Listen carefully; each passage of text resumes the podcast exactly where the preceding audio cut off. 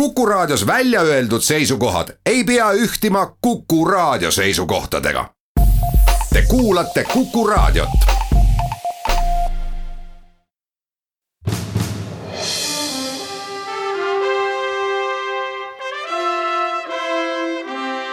vahetund Postimehega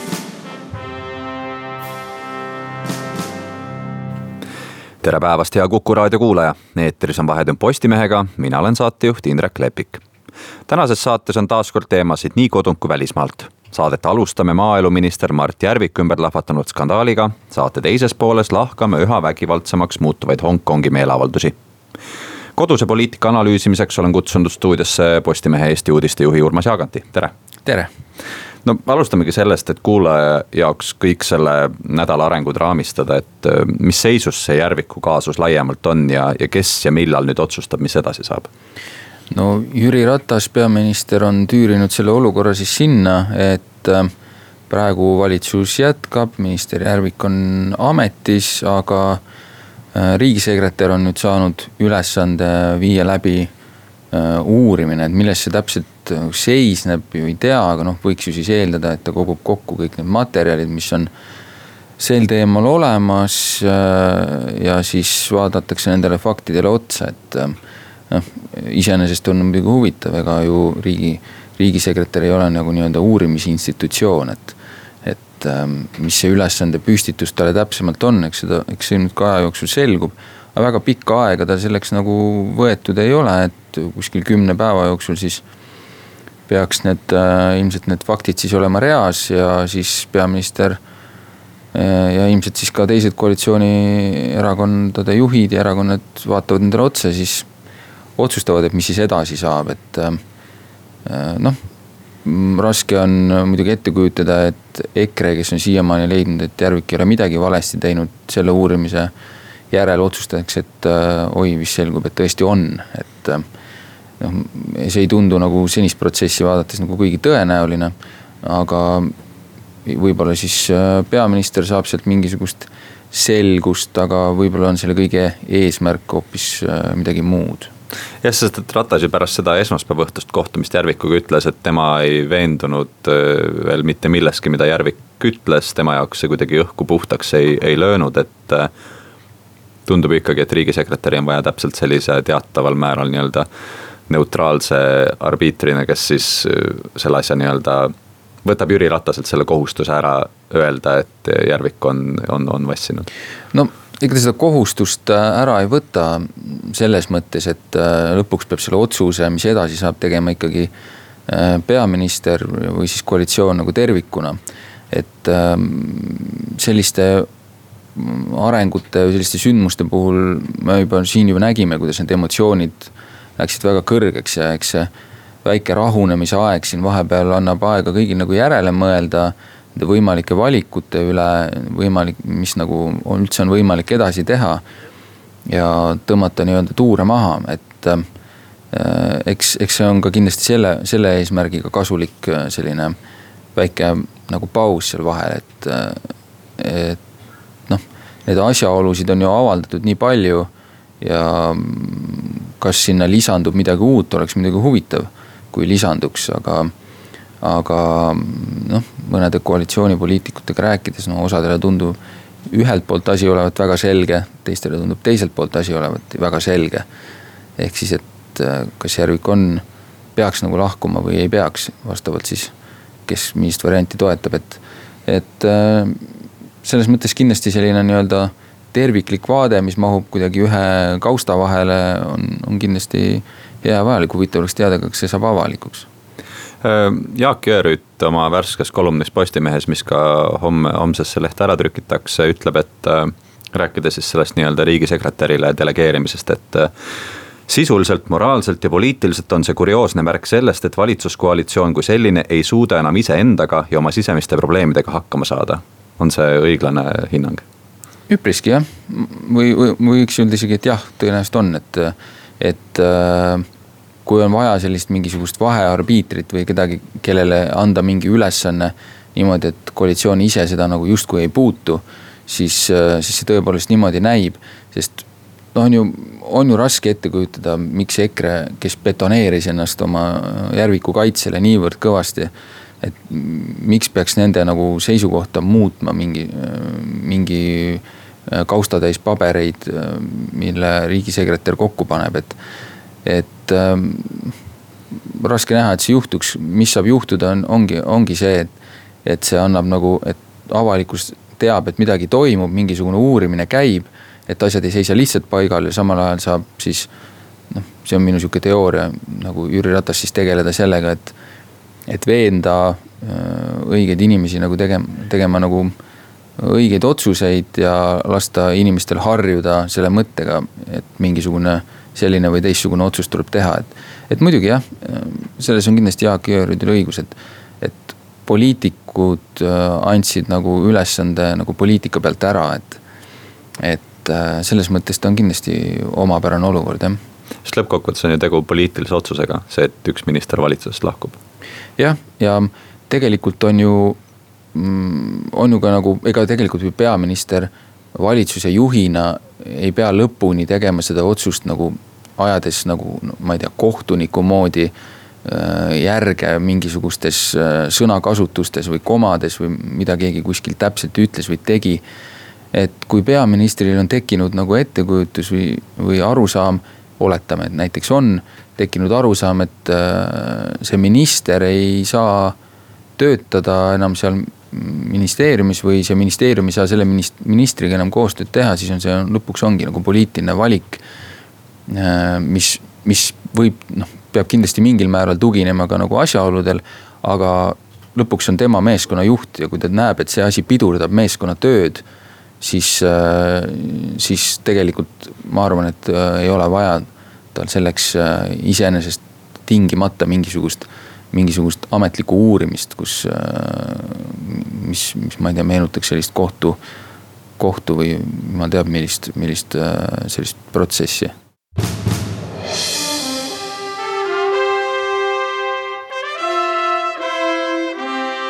vahetund Postimehega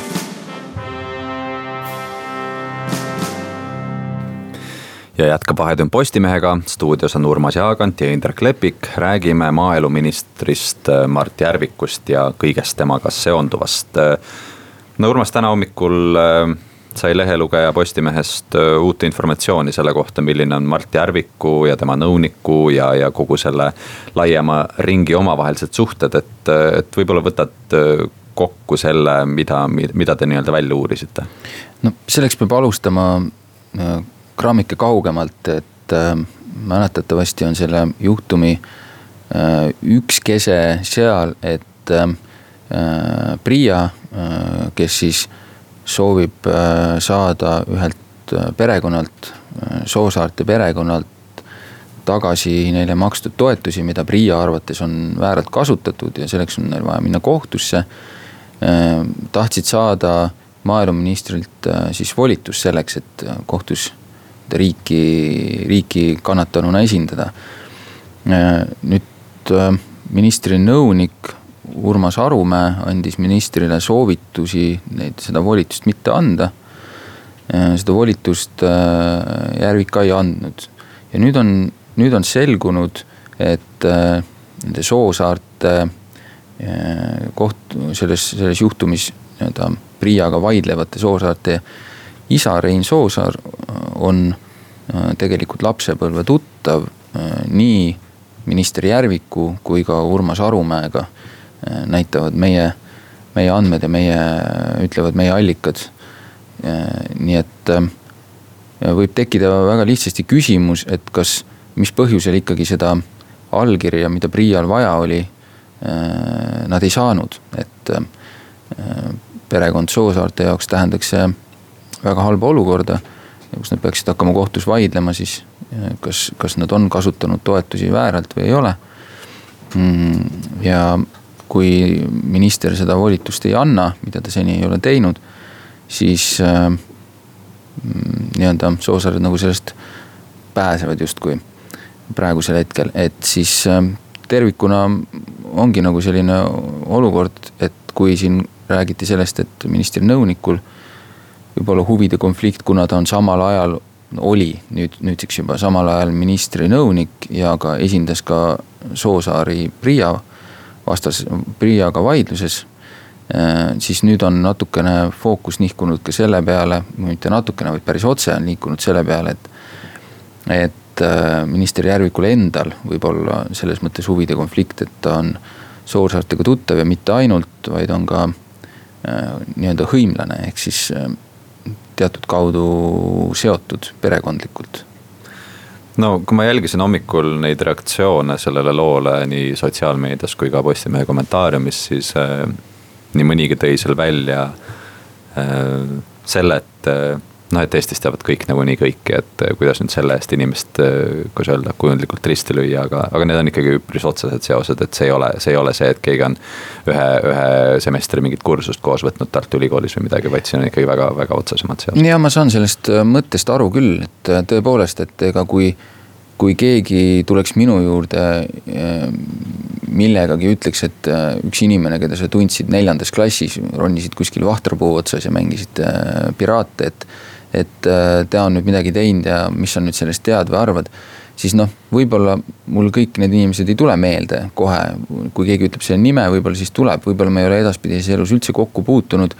ja noh, siis ei olegi siin nagu midagi, justkui nagu midagi väga hullu, eks ole, arvestades muidugi ka, ma noh ma pean muidugi arvestama ka positsioone, kus inimesed on, et aga meie andmed ikkagi ütlevad, et need inimesed on omavahel puutunud kokku ka hiljem, hiljem nagu täiskasvanuna.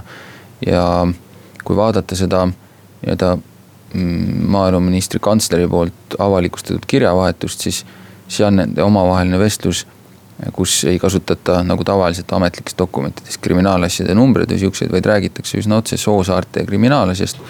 jätab küll mulje, et nad väga hästi teavad kõik, millest nagu jutt käib, et, et muidugi äh, need asjad tuleb nagu selgeks teha, inimesed peavad andma vastused ja on ka juba andnud. Kõik need kolm osapoolt on siin risti-rästi rääkinud, keda nad täpselt tunnevad ja mis ajast. Nende jutt viitab sinnamaani, et ega, ega väga ei tea, tunneme küll, aga, aga pole kas ammu suhelnud või kunagi ammu tõesti käisime koolis.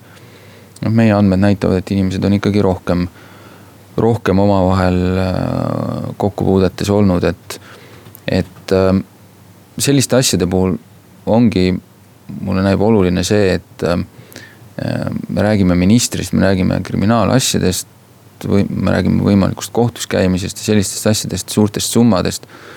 et äh, kõige parem oleks, kui kõik teaks neid asju varem ja minister saab ka sellist näiteks nõu küsida kelleltki. et mida ma peaksin sellises olukorras tegema, ma tegelikult tean neid inimesi et ähm, raske on nagu, eks need kaasused on kindlasti erinevad, aga raske on nagu olla sellises positsioonis. Kus pärast võib keegi hakata ütlema, et kuule, sa ju tunned seda inimest, et äh, kuidas sa siin oled teinud seda või teistpidise nagu otsuse, et ähm, et võib, ma arvan, et see teema ei kerkiks üles, kui ta ilmselt oleks andnud sellele volitusele kohe allkirja, kui seda küsiti Ehm, eks seal on ka mingid juriidilised nüansid, kus inimesed tõlgendavad mingeid seadusi erinevalt, kas seda volitust peaks andma, ei peaks andma, aga see on nagu teine vaidlus. aga kuna see jäeti andmata, siis on, siis väga lihtsasti võib tekkida küsimus, ongi tekkinud küsimus, et kas, kas sellel tutvusel äh, ja ka tegelikult sihukesel hõimlussidemel on mingi seos siin või mingi roll selles või ei ole. Järvik on muidugi praeguseks vastanud, et ei ole. ta küll tunneb neid aga ütleb, et seda seost ei ole enam. Ehm, eks siis, eks siis selgub ja eks lõppkokkuvõttes kogu see informatsioon jõuab ju lõppkokkuvõttes jällegi riigisekretäri lauale niisamuti, aga ma tahaks veel selle pooltunni lõpetuseks küsida, et äh,. Kaja Kallas on, on siin esinenud päris jõulise sõnavõtuga. mul siin otse tsitaati ei ole ees, aga ta põhimõtteliselt ikkagi ütles, et Jüri Ratas on valmis Eesti riigi maha müüma ja sellest on nüüd tänaseks hommikuks äh, paras, paras selline torm tekkinud, et äh, mis sellest nüüd arvate, see, see ikkagi ju ühtpidi, kui siin nii-öelda natuke kaugemale mõelda, siis Keskerakonna ja Reformierakonna alternatiivkoalitsiooni ju ikkagi välistab. no paistab sedamoodi jah, et ikkagi noh, selle äh, eks nüüd riigikogu infotunnis, mis vist, vist veel parasjagu käib, jõudsin enne saadet seda ka jälgida, et et äh, Jüri Ratas on asunud sellele veel nagu kõva vinti peale keerama. muidugi oma, oma poolel seda nagu ära kasutama selles mõttes, et, et et esitada seda nii, et Kaja Kallas on süüdistanud teda põhimõtteliselt valmiduses riiki reeta. noh, vaevalt, et see nii nagu mõeldud oli, aga teiselt poolt muidugi see, mida Kaja Kallas ütles, on ikkagi suhteliselt ränk, et. et, et emotsioonid on ikka igalt poolt väga üleval, et see kindlasti mulle tundub, ei ole nagu kuigi hea öelda peaministri kohta, et too on valmis riiki maha müüma või ennast nagu maha müüma, et.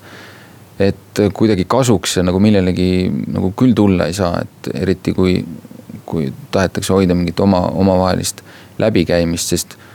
noh, mis, midagi hullemat ju tegelikult ei olegi, kui, kui inimese nagu ütleme, riigitegelase valmisolek oma riiki nagu maha müüa, et äh, ikkagi suhteliselt, suhteliselt julmad sõnad, et, et äh, kuidas ta neid noh, Jüri Ratas on kutsunud, et ta peaks neid kuidagi tõestama, noh kuidas ta neid tõestada saab, vaevalt. Et selles mõttes ikkagi läinud jälle nagu halvaks see asi aga eks meil jääb siis nii-öelda mängu jälgida ja, ja Postimees toob kindlasti oma lugejateni järgnevate päevade jooksul kõikvõimalikud arengud. aga Urmas Jaagant, aitäh stuudiost tulemast. aga palun.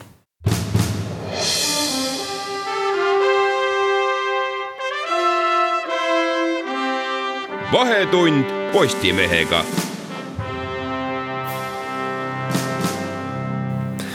ja jätka Vahetund Postimehega, mina olen saatejuht Indrek Lepik.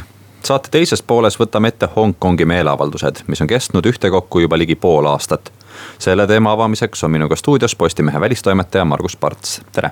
tervist. no alustame sellest, mis seis praeguseks Hongkongis on, et kui parafraseerida Martin Helmet, siis Eestis toimuv on praegu nagu üks äh, morsipidu jah, olukord Hongkongis on läinud väga kiiresti väga palju teravamaks ja kolm päeva järjest on kestnud need meeleavaldused, äh, mis on muutunud väga vägivaldseks ja neid meeleavaldusi eristab äh, eelneva poole aasta omadest see, et nad toimuvad päeva ajal. hästi palju on kaasatud äh, inimesi äripiirkondadest, kesklinnast. ülikoolid on väga aktiivselt hakanud sekkuma meeleavaldustesse, praegu viimaste teadetega lõpetati Hongkongi Hiina ülikoolis semester kuu aega varem sellepärast et lihtsalt ülikoolides valitseb sisuliselt sõjaolukord või sõjaeelne olukord, ülikoolid on ümbritsetud barrikaadidega. tudengid koguvad vibusid, hambusid, Molotovi kokteile ja valmistuvad õhtusteks vastasseisudeks meil korrakaitsjatega.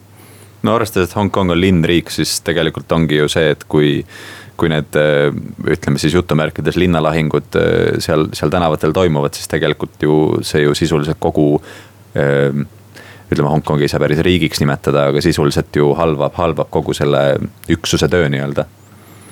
jah, linn praktiliselt seisab, sellepärast et metrooliinid on peatatud. nüüd teatati just, et noh, Hongkongis on kell praegu siis seitse kolmkümmend seitse õhtul teatati, et kella kaheksast pannakse seisma enamus metrooliine. mis tähendab seda, et äh, väljaspool kesklinna liikumine muutub äärmiselt keeruliseks. nüüd, kui anda natukene ülevaadet sellest, mis toimub ja milline on äh, kokkuvõrgete iseloom, siis paar tundi tagasi pidas äh, linna politseijõudude kõneisik pressikonverentsi kus teatas, et ainuüksi eile vahistati sada nelikümmend kaks inimest Äh, kasutati meeleavaldajate vastu tuhat kolmsada kaksteist salve kummikuule ja anti käiku tuhat viissada kuuskümmend seitse kanistrit pisargaasi, mis tähendab seda, et minutis anti, anti käiku rohkem kui üks kanister pisargaasi. aga mis, mis on ikkagi viinud, viinud nüüd selleni, et, et see tõesti on niivõrd äh, vägivaldseks läinud ja tegelikult seda ju nii nii politsei kui ka siis meeleavaldajate poolt, et, et, et suurem osa on see ikkagi püsinud sellise äh, kuidas öelda, inglise keeles nii-öelda civil disobedience, et on leitud mingeid rahumeelseid äh, vahendeid, kuidas äh, ütleme, teataval määral halvata mingeid tegevusi, linna toimimist kuidagi anda nii-öelda märku iseendast, aga, aga praegu on ikkagi ju selgelt nii-öelda vägivaldne igas mõttes. No esimene õlekõrs oli kahekümne kahe aastase meeleavaldaja surm reedel kes oli kukkunud alla tagaajamise käigus parkimismajalt. see tõi kaasa väga suure rahulolematuse, millele siis politsei ei vastanud mitte rahunemisega, vaid eskaleeris vägivalda veelgi ja esmaspäeval siis tulistas politsei vähemalt ühte inimest, kui mitte rohkem inimesi. mis keeras meeleavaldustele veel rohkem minti peale. Ja seetõttu ongi siis praegu kolmandat päeva järjest käinud lauskokkupõrked äh, märulipolitsei ja meeleavaldajate vahel. Ja huvitav on ka see, et näiteks väga paljud inimesed, kes varem ei olnud meeleavaldustest äh, nii aktiivselt osa võtmas, leiavad praegu aega töö kõrvalt või kooli kõrvalt, et tulla tänavale olla seal kaks tundi lihtsalt keset tööpäeva, blokeerida terve liiklus kesklinnas, suures ärikvartalis. ja minna tagasi oma kontoriruumidesse, et jätkata tavapärase elutegevusega, nii palju, kui see veel võimalik üldse on kui palju meeleavaldajatel on seda üleüldist äh, toetust ja kas see, kas see vägivald on mingil määral nagu seda suhtumist muutnud? see on väga kahetine küsimus. Äh, paljud meeleavaldajad tegelikult näevad, et et äh, mittevägivaldsetel meeleavaldustel ei ole enam mõtet. Sellepärast, et need on kestnud, nagu sa ütlesid, pool aastat. sisuliselt mitte midagi ei ole muutunud. on näha, et äh, Hongkongi valitsus annab käiku üha karmivaid meetmeid, et meeleavaldusi maha suruda. Äh, oktoobris võeti vastu maskikeeld, mis siis keelas meeleavaldajate maskide kandmise sellega loodeti, et meeleavaldused vaibuvad, sellepärast et inimesed ei julge enam enda nägu katmata tänavatele tulla. mis aga juhtus, oli see, et äh, päev pärast maskikeelu kehtestamist äh, muutusid meeleavaldused veel suuremaks. ja ühesõnaga inimesed näevad, et tegelikult ei ole mõtet enam lihtsalt niisama rahumeelselt nõudmisi esitada, sellepärast et neid ei täideta nii ehk naa. no muidugi iseasi spekulatsioon on see, et kas äh, nõudmisi üldse täidetakse. Vägivald ei pruugi olla ju parim lahendus ja me näeme seda, et tegelikult äh, kui meeleavaldajad jätkavad äh, oma taktikaid, no näiteks esmaspäeval ilmus teade, et meeleavaldajate grupp süütas ühe Pekingi-meelse vastumeeleavaldaja, kes oli läinud selle grupiga vaidlema. siis selliste asjade pealt tekib tegelikult moraalne küsimus meeleavaldajate endi õigsuse kohta. Aga eks siin ongi nagu teatav nõiaring just selles suhtes, et iga selline vägivalla eskalatsioon, olgu see politsei või meeleavaldajate poolelt, tekitab paratamatult nii-öelda vastureaktsiooni ja omakorda vastureaktsiooni ja omakorda vastureaktsiooni ja siis me olemegi nii-öelda tänases päevas, kus. kui vaadata videopilti sellest kõigest, siis äh, ei näe just äh, asi ei näe välja selline, nagu võiks olla ühes piirkonnas, mis on ütleme näiteks inimarengu indeksi järgi maailma top kümnes. jah äh,, probleem on muidugi see, et äh, et see piirkond on kiiresti liikumas äh, Pekingi valitsemise alla. ees on ootamas aasta kaks tuhat kakskümmend neli, millega siis Peking või Hongkong peaks minema Hiina koosseisu ehk siis see üleminekuperiood lõpeb, mis algas aastal üheksakümmend seitse.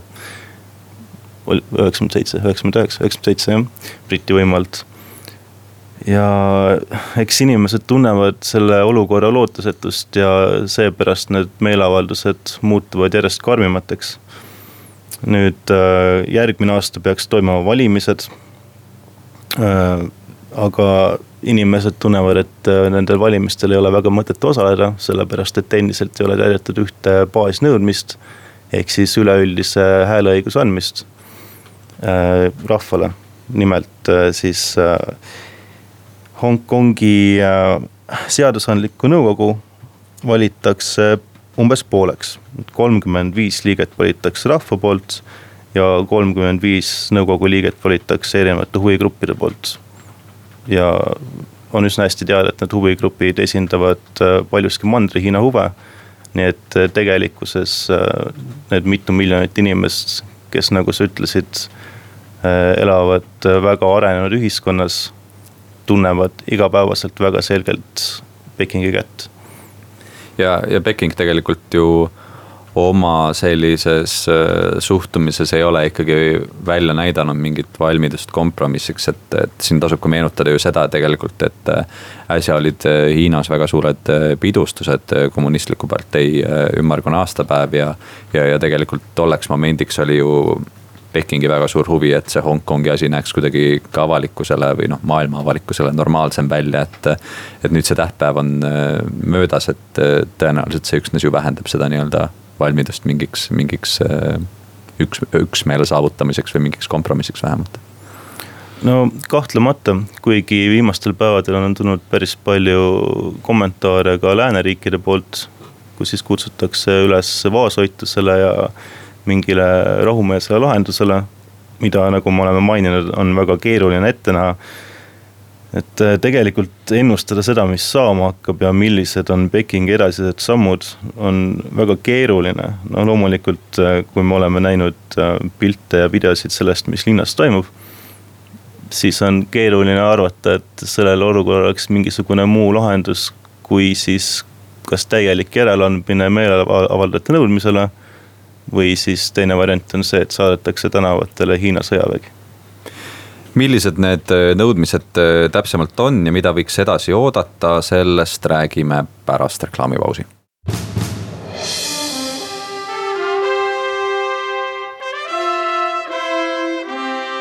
vahetund Postimehega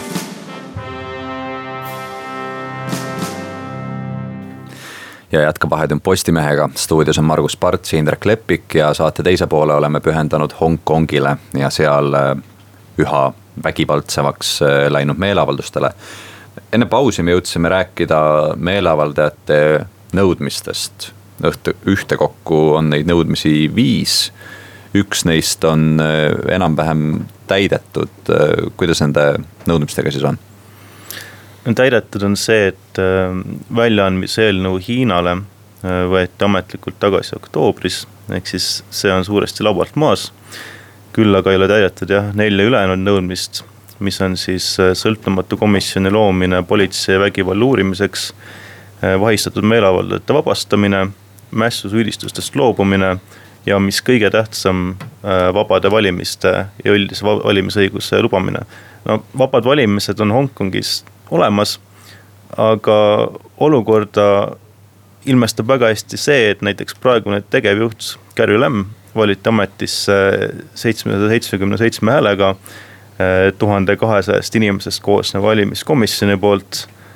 Eh, mis ei ole tegelikult otseselt rahva valitud ja paljud liikmed sellest valimiskomisjonist on seotud Mandri-Hiinaga, nad on mõjukad ärimehed või mingisuguse muu huvigrupi esindajad. ja sisuliselt äh, Hongkongi rahvas elab siis ikkagi Mandri-Hiina poolt vähemalt osaliselt välja pakutud kandidaatide käe all. nüüd tegelikult Hongkongi alusseaduse artikkel kuuskümmend kaheksa põhjal peaks haldusüksus liikuma viimaks kõigi saadikute valimise poole vabadel valimistel. praegu tundub, et see asi pigem liigub vastupidises suunas sellepärast et nagu me enne pausi märkisime, kätte on jõudmas varsti aasta kaks tuhat kakskümmend neli, millega Hongkong liigub äh, üha kindlamalt Pekingi mõjuvõimu alla. ja näha, et äh, praegu käiksid mingisugused vastupidised trendid peale selle, et äh, Xi Jinping ja kommunistlik partei põlistab oma võimu Hongkongis, no seda on keeruline, keeruline näha kuskilt otsast mis, ütleme, alustame sedapidi, et ega praegusel hetkel on ju ikkagi suhteliselt välistatud, et nendele nõudmistele vastataks, nendele viiele nõudmisele. Jah äh,, Carrie Lammi kohtumine esimees Xiga eelmisel nädalal justkui kinnitas seda, et, äh, et Lämm ei liigu mitte kuhugile äh, meeleavaldajate nõudmisele siis Lämmi tagasiastumiseks ei tulda vastu ja sümboolne žest, et äh, esimees Xi kinnitas oma toetust Lämmile. justkui näitab veelgi ilmekamalt seda, et äh, Pekingi käsi on väga tugevalt Hongkongis mängus. ja ilma Hiina toetuseta tegelikult ei sünni Hongkongi juhtkonnas mitte midagi. nüüd, kui tegelikult vaadata Lämmi populaarsust, siis äh, eelmise, eelmisel kuul oli see kakskümmend kaks protsenti ja vaid vist üks kümnest hongkonglasest ütles, et äh, vabatahtlikult valiks ta Lämmi ametisse. Ehm, mis näitab seda, et tegelikult äh, hongkonglaste seas ei ole juhtkonna osas mitte mingisugust usaldust ja kusjuures ka usaldus politsei suhtes äh, hinnati vist pooled hongkonglased vastasid, et nad äh, usaldaksid politseid kümne palli skaalal hindega null.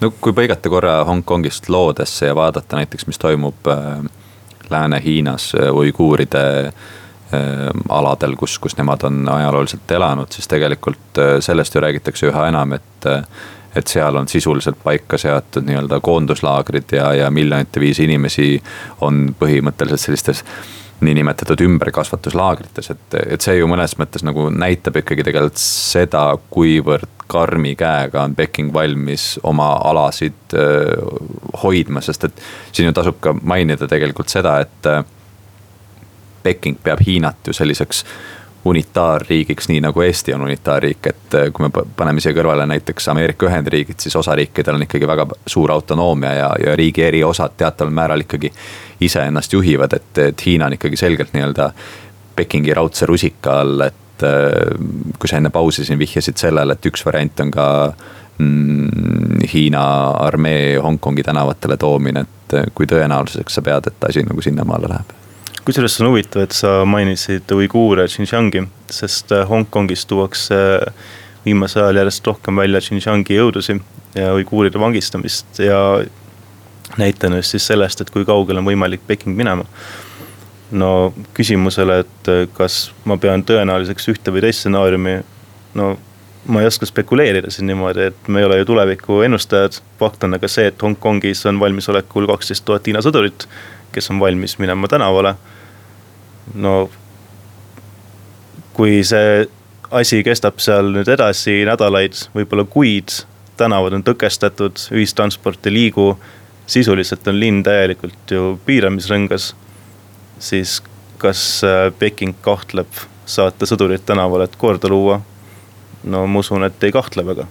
see tuleb küll kindlasti väga suure hinnaga, aga samas neil ei ole mitte mingit muud valikut lõpuks, sellepärast et järeleandmisi nad vaevalt et teevad jah, üks hind, mida tegelikult ju Hiina ise on tegelikult pidanud maksma, on see, et äh, Hongkong, mis on ikkagi maailma üks finantskeskuseid, tegelikult kogu nii-öelda aktsiaturg ja muu majandustegevus on juba kõvas miinuses, tegelikult Hongkong ise sellise autonoomse üksusena on juba äh, majanduslanguses, et, äh, et sellised esimesed märgid on seal selgelt näha.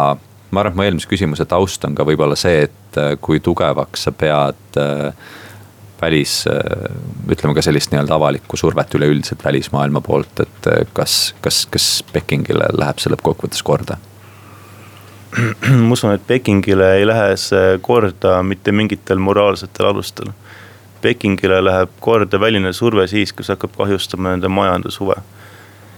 nüüd, mis puutub Hongkongi, siis äh, just väga suur küsimärk ongi see aasta kaks tuhat kakskümmend neli ehk siis äh, kui Hongkong peaks liikuma Pekingi võimu alla, siis Peking ei taha praegu kindlasti teha suuremaid järeleandmisi, et anda Hongkongile rohkem iseseisvust ja seeläbi kaotada siis väärtuslikku raha ja väärtuslikke ressursse. jah, ja eks äh, paraku selle tõdemusega peame ilmselt hakkama saatele joont alla tõmbama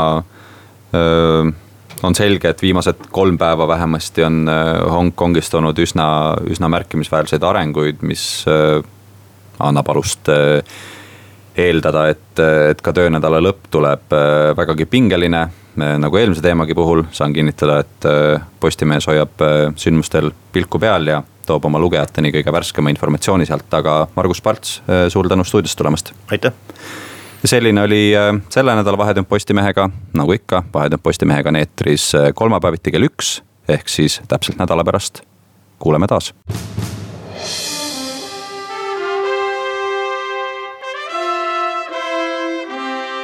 vahetund Postimehega